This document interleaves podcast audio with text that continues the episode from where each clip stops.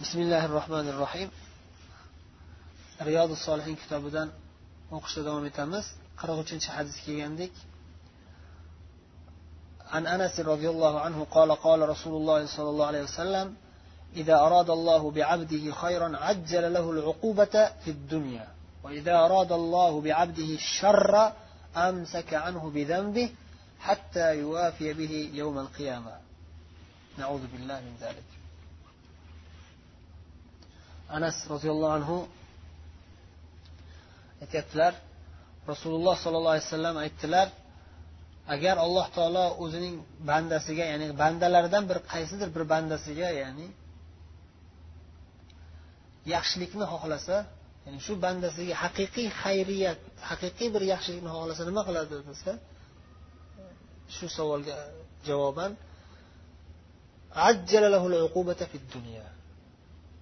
uning jazosini shu dunyoda tezlashtirib beradi. Bu allohning mana shu bandasiga bo'lgan yaxshiligi. Ya'ni gunoh qilgan bandasiga ya'ni. Gunoh qilgan bandasiga. Agar gunoh qilmagan bo'lsa darajasini oshirish uchun bo'ladi ya'ni. Bu yerda aytilmagan bo'lsa ham boshqa hadislarda kelgan.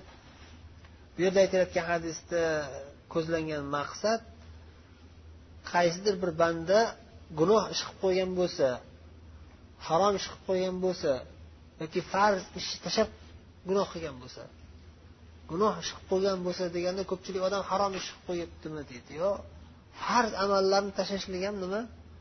Gunoh ish harom ish bu ham. Namoz o'qimay qo'ysa bir yoki ro'za tutmay qo'ysa yoki boshqa ota onasiga itoat qilmay qo'ysa bu ham gunoh. Shu qilgan gunohiga alloh taolo shu dunyoda jazosini bersa demak unga yaxshilikni xohlabdi alloh taolo shu dunyoda jazosini olib qolsa qilgan gunohiga bir jazo uqubat shu dunyoda bo'lsa alloh taolo shu dunyoda unga jazosini tezlashtirib bersa demak olloh unga yaxshilikni xohlabdi nimaga desangiz chunki oxiratdagi jazosi juda ham og'ir bo'ladi oxiratda do'zax. Bir sekundga kirib chiqsiz o'zi butun dunyodagi rohat farog'atlaringizni esdan chiqarib yuboradi. Shunaqa rivoyatlar kelgan ya'ni sekund deb kelmagan bir lahza shunday cho'ktirib olishlik o'zi agar siz misol uchun deylik bir gunoh ish qilgan bo'lsangiz shu dunyoda. Va bu dunyoda jazosini olmasdan oxiratga qolsa bu jazosi olloh asrasin. Oxiratda shu bir lahzalik jazo bu do'zaxga tushib chiqish shuni bir lahza tushib chiqsangiz ham o'zi dahshat azob bu bu dunyodagi hamma hamma ko'rgan rohat farovatlaringiz hammasi esdan chiqib ketadi. Dunyoda eng qiyinchilikda yashagan eng qattiq azobda yashagan odam manman deb yuborasiz olloh asrasin. Shuning uchun mana shu dunyoda tezroq jazosini tortib qolgan yaxshi. Chunki chunki shu bu dunyoda jazo tortgan paytingiz siz boshingizga shu dunyoda sizga balo kelib bir jazo kelib qiynalsangiz shu dunyoda azob cheksangiz ma'lum bir darajada? Buni rohat farog'at ta'mi mazasi ham bo'ladi ozgina. Oxiratda unday bo'lmaydi. Bu dunyoda agar siz boshingizga bir jazo balo kelsa oh, ozgina mazasi ham bo'ladi shirin mazasi ham bo'ladi. Nima u mazasi? Ozgina kimgadir ozgina kimgadir ko'pgina bo'ladi u maza ham. Har kimga har xil iymoniga qarab. Iymoni kuchliroq bo'lgan odam boshiga balo tushsa bir boshiga bir jazo kelsa qilgan gunohiga yarasha mana shu dunyoda kelganiga xursand bo'lib lazzat topadi. Mazasini olib tatiydi xudoga shukur shu dunyoda bir jazolanib qoldimi qutuldimi inshaalloh qutulayotgan bo'lay deb turib mazasini tortadi. Balo jazo umid qilmang hech qachon. Lekin inkana deydiyu arabchada kelmasdan jazo bo'lmasdan iloji yo'q bo'lsa ey xudo tezroq qutulaylik mana shu qiyinchiliklarimiz shu kafforat bo'lsin qutulib qolaylik ey olloh deydi lekin kelajakda manga balo kelaversin. Bu ham noto'g'ri. Rasululloh qaytarganlar sollallohu alayhi vasallam hech qachon sizlar jazo balo tilamanglar deganlar. Afiya ofiyat tilanglar allohdan doim deganlar.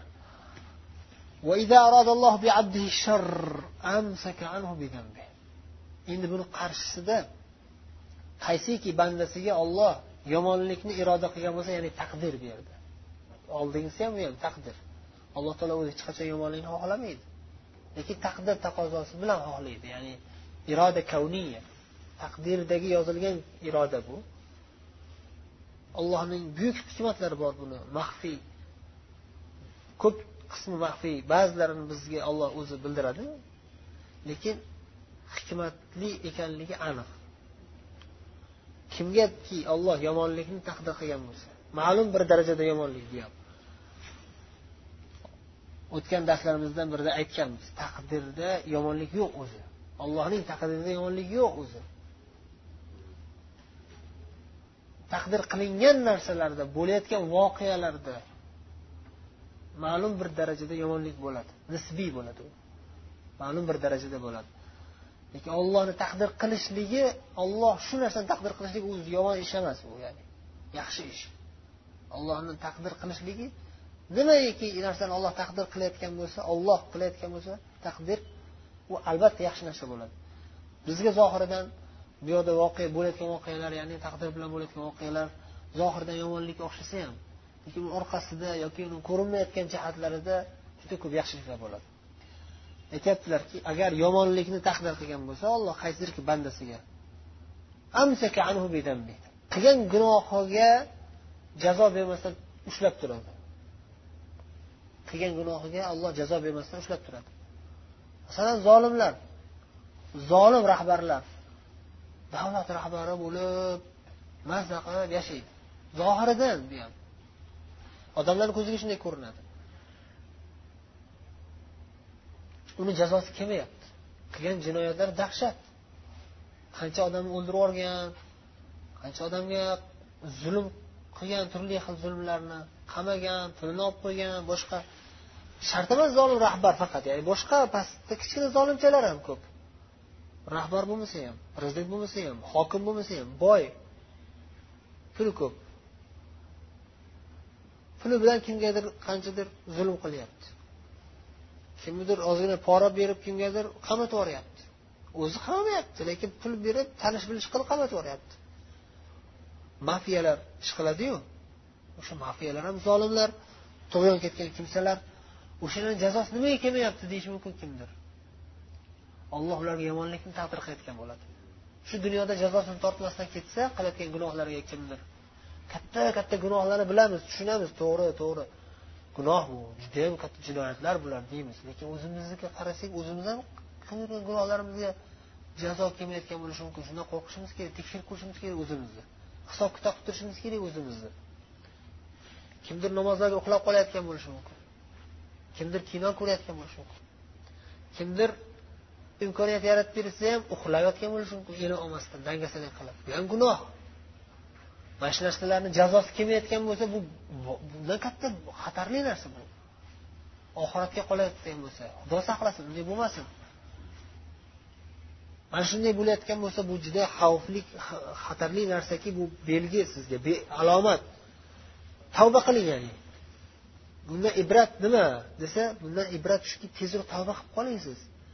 Ya'ni siz tinch farog'at bilan musibat ko'rmasdan yashab yurgan bo'lsangiz demak man avliyo ekanman olloh yaxshi ko'rgan banda ekanman deb o'ylamang. Olloh sizga jazo bermasdan sizni azob uqubatlaringizni to'plab to'plab qiyomatga taxlab turgan bo'lmasin hadisda aytayotganlaridek oxirida nima dedilar?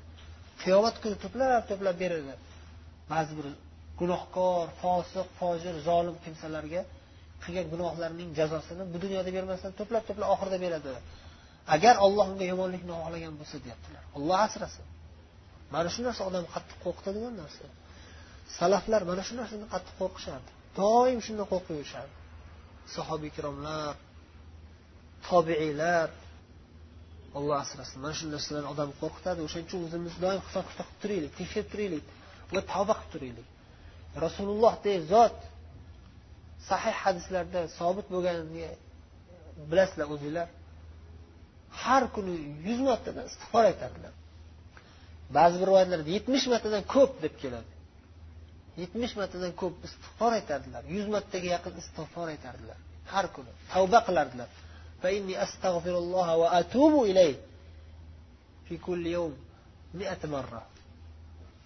yana bir rivoyat aktar min sab'ina marra dedilar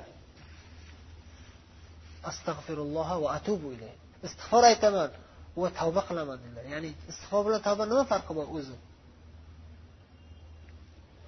Istig'for bilan tavba ikkalasi birga zikr qilinsa farqi bo'ladi. Ikkalasi alohida alohida zikr qilinsa bir xil ma'noda bo'ladi. Shunaqa kalimalarda arab tilida shunaqa kalimalar bor. Birga zikr qilinsa o'ziga xos ma'nosi bilan ajralib turadi. Alohida zikr qilinganda bitta o'zi zikr qilinsa ikkala ma'nosini ham o'z ichiga oladigan bo'ladi. Shunaqa kalimalar bor misol uchun istig'for aytdi desa ya'ni istig'for aytdi va tavba qildi degan. Lekin istig'for va tavba birga zikr qilinsa istig'for aytish astag'firulloh astag'firulloh deyish.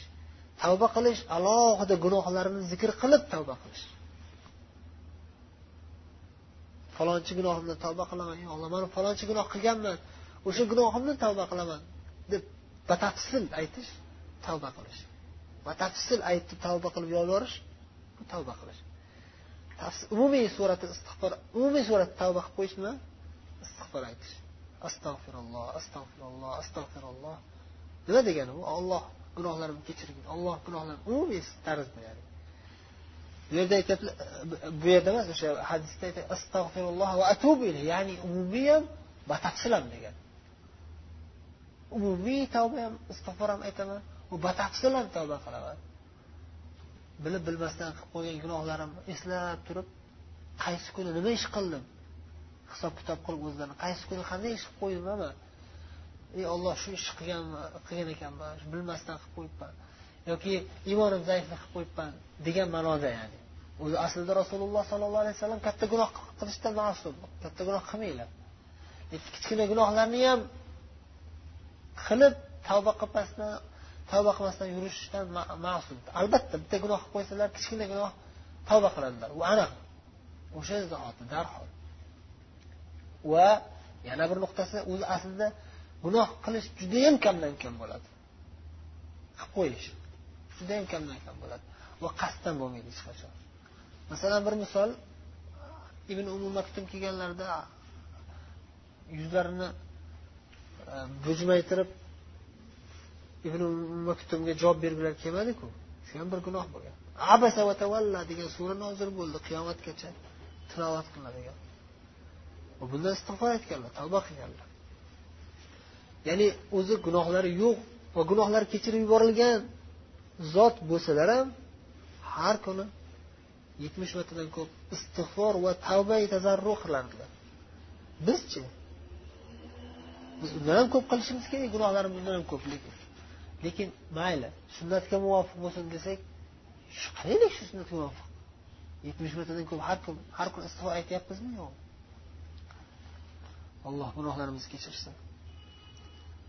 Demak mana shu narsadan ehtiyot bo'lish kerak. Ya'ni salaflardan shunday iboralar kelgan o'zi aytishadiki agar inson o'zini tekshirib qaraganda hayotiga qarasa hech qanday qiyinchilik ko'rmayotgan bo'lsa iymonini tekshirib ko'rsin. Iymonida gap bor. Agar iymon kuchli bo'lganda bunday bo'lmasdi. Iymoni kuchli odamga albatta musibatlar kelishi kerak. Albatta qiyinchiliklar bo'lishi kerak.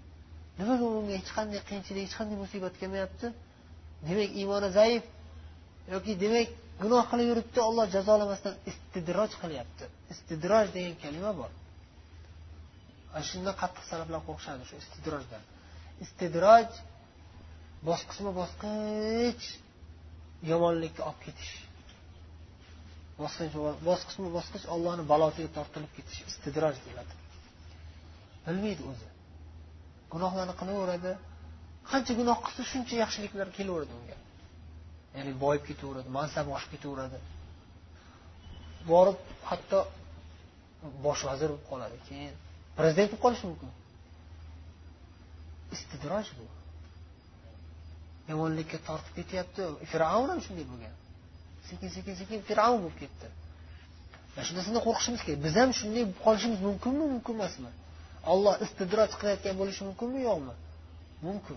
Olloh asrasin tavba qilishimiz kerak shuning uchun. O'zimizni tekshirishimiz kerak.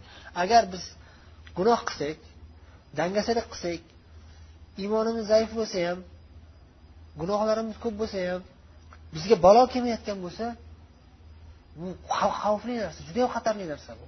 Tezda u tavba qilaylik. Allohga iltijo qilib yig'laylik. Ey olloh man gunohlarim ko'pligiga qaramasdan sen menga ne'matlaringni yog'dirib turibsan jazo bermayapsan hech qanaqa uqubat yubormayapsan. Ey olloh man qo'rqyapman istidrojdan istidroj bo'lmasin ey olloh ey olloh tavba tazarru qilaman.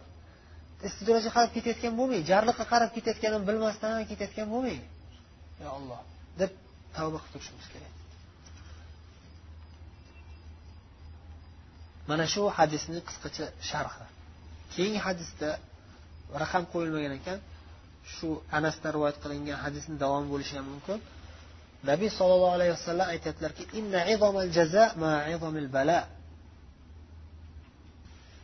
jazo bu yerda mukofot degan ma'noda.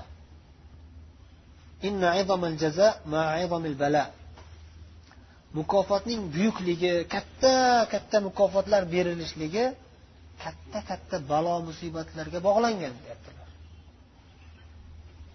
Katta katta balo musibatlar kelgan odamlarga mo'minlarga o'sha balo musibatlarga sabr qilib ollohdan rozi bo'lib qabul qilgan odamlarga katta katta mukofotlar bo'ladi. Hech qaysi bir payg'ambar va hech qaysi bir avliyo jannatda juda ham buyuk maqomlarga erishmagan illo katta musibatlardan keyin. Katta katta musibatlar kelgan ularga va keyin o'sha o'sha o'sha narsa sabab bo'lib olloh shuni sabab qilib katta katta musibatlarni og'ir kunlarni qiyinchiliklarni dunyodagi azob uqubatlarni sabab qilib olloh ularni jannatdagi darajalarini judayam baland darajaga ko'tarib yuborgan. Agar faqat jannatdagini gapirsak dunyoda ham obro' martabalar. Masalan uchun to'qqiz yuz ellik yil nuh alayhissalom qiyinchiliklarni ko'rdilar da'vat yo'lida. Qancha qancha masxaralarga duch keldilar qancha qancha kofirlar u kishiga ozor berdi. To'qqiz yuz ellik yil. Endi hozir nuh alayhissalom nuh alayhissalom o'tib ketganlariga qancha yil bo'ldi? Kim ayta oladi? Nechi ming yil bo'ldi hech kim bilmaydi. Nechi ming yil bo'ldi hech kim bilmaydi. Lekin shu o'shancha yillardan beri hamma yaxshi ko'radi. Hamma u kishini haqqilariga duo qiladi hamma u kishini qissalarini o'qib ibrat oladi. Alayhissalom deb turib duo qiladi. Nuh alayhissalom deb zikr qiladi. Butun dunyo nechi ming yillardan beri nuh alayhissalom maqtab keladi. To'g'rimi? Bu ham bir dunyodagi martaba. O'zi o'tib ketgan bo'lsalar ham lekin shon sharaflari davom etyapti. To'qqiz yuz ellik yil payg'ambar bo'lganlaridan keyin oxiri nusrat keldi. To'fon bilan kofirlar cho'ktirib tashlandi ular kemada qutqarilishdi. Keyin qancha yil yashashdi? Bu ham aytilmagan. Ya'ni g'alaba ko'rganlaridan keyin o'zlarini ummatlari bilan dunyoda hech kim qolmadi o'zlarini ummatlari saksontami ba'zi rivoyatlarda bir yuz yigirmata deyilgan nuh alayhissalom bilan birga iymon keltirgan zotlar g'alaba qozonib butun dunyo mamlakatini boshqarishgan. Xuddiki butun dunyo ularga bo'lgan. Qancha aziz bu azizlik. Hozir siz mana shu biz nechi kishimiz hozir? o'n kishi butun dunyo bizga berilib qo'yilsa hech kim hech narsa demaydi dunyoda sizlarga. Butun dunyo mamlakat sizlarga qanchalik azizlik qanchalik g'alaba bu. Nuh alayhissalomga berilgan shu narsa. Bu dunyodagi ne'mat yoki bu dunyodagi g'alaba bu dunyodagi azizlik. Lekin qachon keldi bu? To'qqiz yuz ellik yil sabr qilib da'vat qilib sobit qilib turganlaridan keyin keldi. Bu dunyodagisi o'zi katta dahshat tasavvur qilish qiyin bo'lgan judayam katta mukofot. Ya'ni demak alloh taolo sizga agar ey mo'min banda shu dunyoda ham beradi agar siz iymonni sobitlanib tursangiz allohni imtihonlariga sabr qilib tursangiz izomil baloga balo musibat kattaligiga bo'lsa qancha qancha katta bo'lsa ham turib bersangiz izomil jazo jazo mukofotlar katta bo'ladi. Bu dunyoni o'zida ham. Balki siz ko'rolmasdan shahid bo'lib ketarsiz lekin unga afsus chekmang hech qachon. Bu dunyoda ko'rsangiz oxiratdagi oxiratdagi mukofotingizdan kamayadi bu dunyoda siz agar ozgina nusrat g'alabaga erishsangiz allohni mukofoti u ham yaxshi narsa. Ollohni fathi allohni yaqin bo'lgan nusrati bu ham yaxshi xursand bo'lishingiz kerak. Lekin o'shanga yarasha oxiratda kamayishi ham borda lekin oxiratda kamayib ketdi degani hech narsa qolmadi degani ham emas. Oxiratda ham jannat. Jannatni eng past tabaqasini o'zi dunyoni o'n baravari. Jannatdagi eng past darajaga erishadigan bandaga dunyoga o'n barobar keladigan jannat beriladi unga.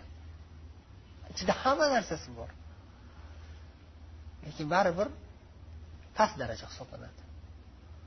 Nimaga past daraja berildi u odamga desa chunki u odam bu dunyoda gunohlar qilib qo'ygan tavba ham qilgandir. Va bu dunyoda ko'rgan ne'matlarni ko'rgan. O'shanga yarasha jannatdan darajasi kamayib qolgan. Bu dunyoda ko'rsangiz g'alabani oxiratdagingizdan kamayganligingizga afsus cheking abdurahmon avfga o'xshab.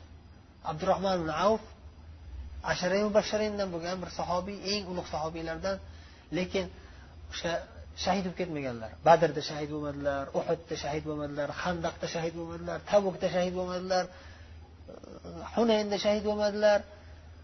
Shahid bo'lmasdan yuraverdilar. Abu bakr davridagi janglarda ham shahid bo'lmadilar. Umar davrida ham shahid bo'lmasdan g'alabalarni ko'rib boy badavlatlarni oshib shu dunyoda aziz bo'lib yashadilar. O'sha qiyinchiliklardan o'tib. Makkadagi o'n uch yil qiyinchilikdan o'tdilar. Madinadagi kambag'allik davrlaridan o'tdilar. Abu bakr davrlarida ham kambag'allik bo'lganidan o'tdilar. Umar davrida boyib ketishgan hammalari oldilarida turli xil nozu ne'matlar bo'lganda yig'ladilar. Qaniydi man shahid bo'lib ketganimda edi? Shu ne'matlar kelmasdan oldin shu ne'matlar keldi shu azizlik g'alaba keldiyu oxiratdan kamayib qolyapti ajr savob. Oxiratdagi narsalarni bu dunyoda yeb qo'yyapmiz oxiratga nima qoladi endi? deb qo'rqdilar. Biz ham shunday bo'lishimiz kerak.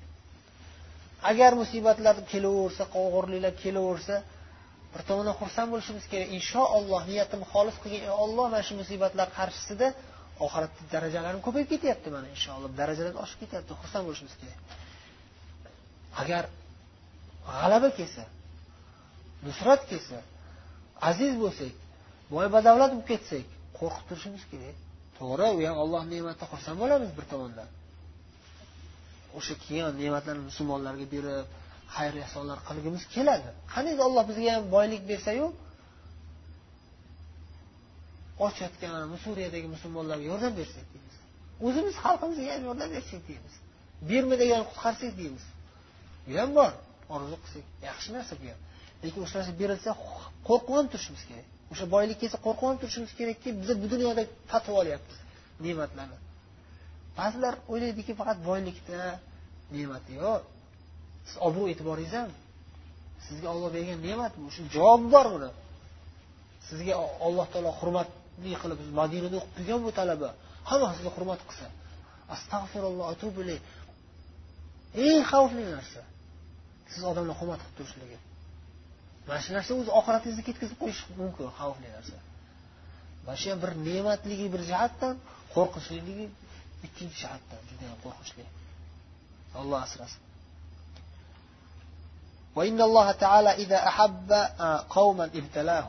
Alloh taolo qaysiki bir qavmni yaxshi ko'rsa olloh ularni ibtilo qiladi imtihon qiladi. Bu balo musibat yuboradi qiyinchilik yuboradi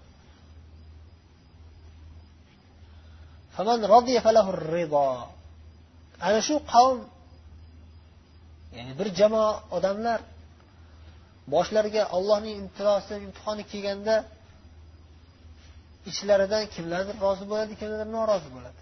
Saf bo'linadi yana. Saf ajraladi yana.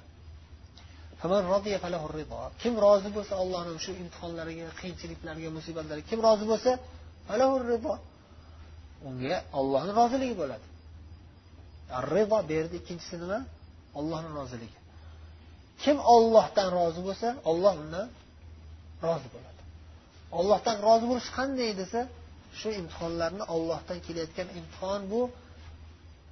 Men shunga roziman olloh bekorga yubormayapti buni buyuk hikmatlari bor meni foydam bor bu yerda deb rozi bo'lsa qabul qilsa ich ichidan demak olloh undan rozi bo'lyapti. Allohning roziligi bo'ladi. Demak u jannatda oliy maqomga erishadi. Kimdanki olloh rozi bo'lsa u buyuk jannatga ko'tariladi. Buyuk maqomga ko'tariladi jannatda. Bayina surasida alloh taolo nima dedi oxirgi oyatida roziyallohu anhum anhu. Ya'ni alloh ulardan rozi o'sha kimga? Ya'ni jannatu adn. Adn jannatlariga kirgan odamlarga. O'sha rozi olloh rozi bo'lganligi uchun ular jannatga kirishdi. Bo'lmasa kirib jannatga.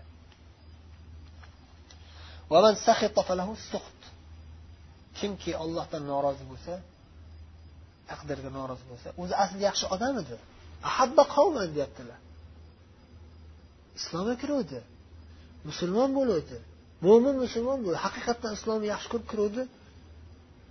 Ollohni musibatiga kelganda chidolmay qoldi. Allohni musibatlari imtihonlari kelganda turib berolmadi. Norozi bo'lib qoldi. Nima uchun biza islomga kirib baxtli bo'lamiz desak qamalib ketyapmiz. Nima uchun biza islomga kirib baxtli bo'lib yashaymiz desak och kambag'al bo'lib yashayapmiz. Musibatlar ko'payib ketdi. Deyishi mumkin ba'zilar. Bu bo'lgan. Ozgina qiyinchilik kelganda odamlar dindan chiqib ketib qoldi namozini tashlab yubordi ba'zilar. Oson emas bo'lmasa o'shalar olloh uchun deb kelib namoz o'qigan. Olloh uchun deb islom kirgan. Ahabba qavmi o'sha payt olloh yaxshi ko'rgan uni. Lekin olloh imtihon qiladi biladi ya'ni o'sha payt yaxshi ko'rib turib keyin musibat kelgandan keyin fosiq bo'lib yana allohdan norozi bo'lib chiqib ketib qo'yishini ham biladi chiqib ketishini ham biladi. Alloh taolo taqdir qilib imtihon qilib tozalaydi yaxshi bo'lib turgan paytda olloh yaxshi ko'rgan. Dindan chiqib ketgandan keyin allohdan norozi bo'lib ketgandan keyin olloh yomon ko'radi yana. Eng asosiysi oqibat oxirgi oqibati nima? Husnul xotima xotimasidir. Eng asosiy gap. U xotimasi yaxshi bo'lishi uchun hayotda harakat bo'lishi kerak. O'sha hayoti davomida harakat bo'lsa keyin xotimasi yaxshi bo'ladi. Alloh taolo hammamizni iymonda sobit qadam qilsin. Alloh taolo o'zi adashtirmasin gunohlarimizni kechirsin. رواه الترمذي وقال حديث حسن imom termiziy rivoyat qilganlar hasan hadis